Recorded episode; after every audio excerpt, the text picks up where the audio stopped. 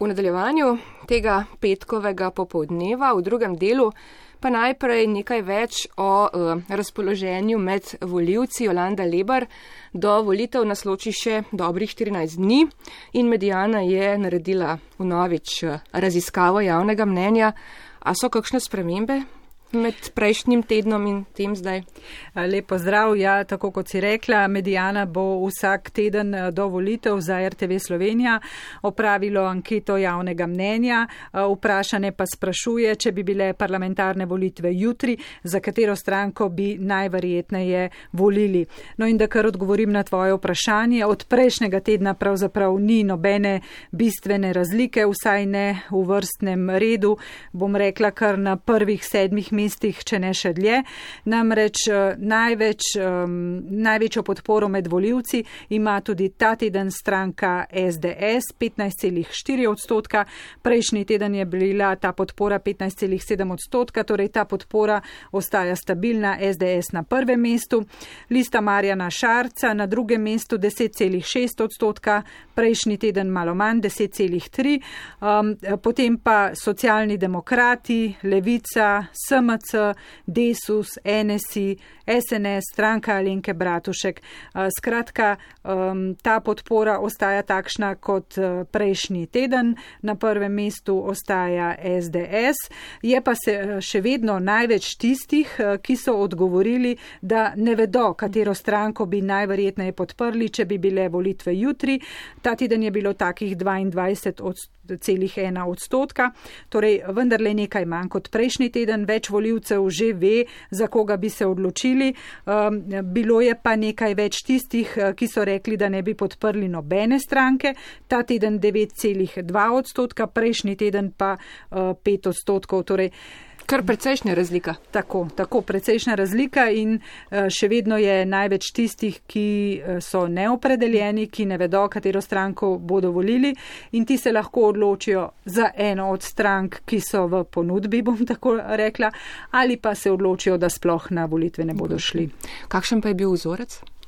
Vzorec je bil 764 eh, voljivcev, opravili so eh, spletno anketo in pa eh, interni, telefonsko anketo. Anketirali so med 11. in 17. majem, se pravi od prejšnjega petka do včeraj. V bistvu vse teden skoraj. Vse teden, vemo pa, da ta teden je bilo že kar polno soočen. Na mhm. Radio Slovenija smo spet imeli soočenje, na televiziji Slovenija je bilo soočenje, da ne govorimo o vseh teh aferah, eh, ki so se ta teden tudi v bistvu na novo izbruhnile, pa o kampanji, ki intenzivno poteka tako v spletnih medijih, kot seveda tako v živo na ulici. Jolanda Lebar, hvala lepa in uh, uspešno delo še naprej želim. Hvala. Mi pa bomo seveda v nadaljevanju preverili nekaj izjav, ki smo jih slišali ta teden iz ust eh, politikov.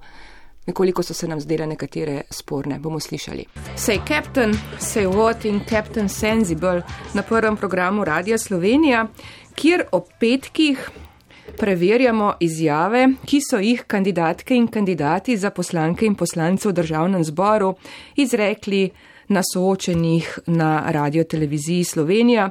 In tokratne izbrane teme so stroški za migracije, pa sredstva za drugi tir, dolg proračuna in širše države. Maja Derčar, pozdravljena. Lepo zdrav. Ti si izbrala te izjave in. Uh, ja, skupno smo jih izbrali, kolegi. Ja. Uh, po uh, soočenjih najprej v sredo na našem radiju in potem še včeraj na televiziji. Ja. Pa kar poslušajmo prvo izjavo, ki se tiče stroškov za migracije, izrekel pa jo je Branko Grims SDS. 123 milijonov je Cerarjeva vlada zagonila za migrante, ilegalne migrante samo v enem letu, 2016. To je izjava izrečena včeraj na televiziji. Branko Grims omenja 123 milijonov evrov. Tudi ti so bili rezervirani za migracije v proračunu leta 2016. Rezervirani. Od tega je bilo rezerviranih 50 milijonov iz našega proračuna, 73 milijonov pa evropskih sredstev. Porabljenih ni bilo 123 milijonov. Po podatkih urada vlade za komuniciranje je bilo leta 2016 sporočeno za tam malo manj kot 28 420 milijonov evrov stroškov povezanih z migracijami, ki jih je krila Slovenija. Dobrih 8 milijonov in pol pa je krila Evropska unija z izrednimi sredstvi iz dveh skladov. Drugih uradnih podatkov o stroških ni. Finančno ministrstvo pravi, da leta 2016 načrtovana sredstva niso bila porabljena v celoti. Znesek rezervacije, torej teh omenjenih 123 milijonov evrov, pa je bil visok zaradi izkušnje begunskega in migranskega vala v letu 2015. Zdaj pa naslednja izjava povezana z drugim tirom Maja Derčar. Ne? Tako, Alenka Bratušek iz stranke Alenke Bratušek.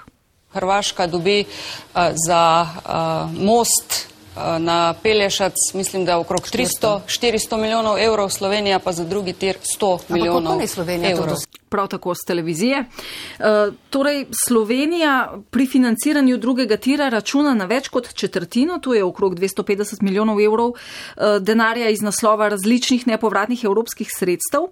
In uh, trenutno uh, nimamo počrpanih zgolj 100 milijonov evrov, pač pa praktično zagotovljenih 233,3 milijona. Od tega 109 milijonov iz blending razpisa, Eh, dobrih 44 milijonov iz uh, instrumenta za povezovanje Evrope CEF. Pravkar pa poteka postopek za odobritev najmanj 80 milijonov eh, nepovratnih sredstev iz kohezijskega sklada. Res pa je, Hrvaška bo za 420 milijonski projekt k gradnje mostu na Pelješac dobila 357 milijonov evrov, ampak to so zgolj kohezijska sredstva. In zdaj še k tretji izbrani izjavi.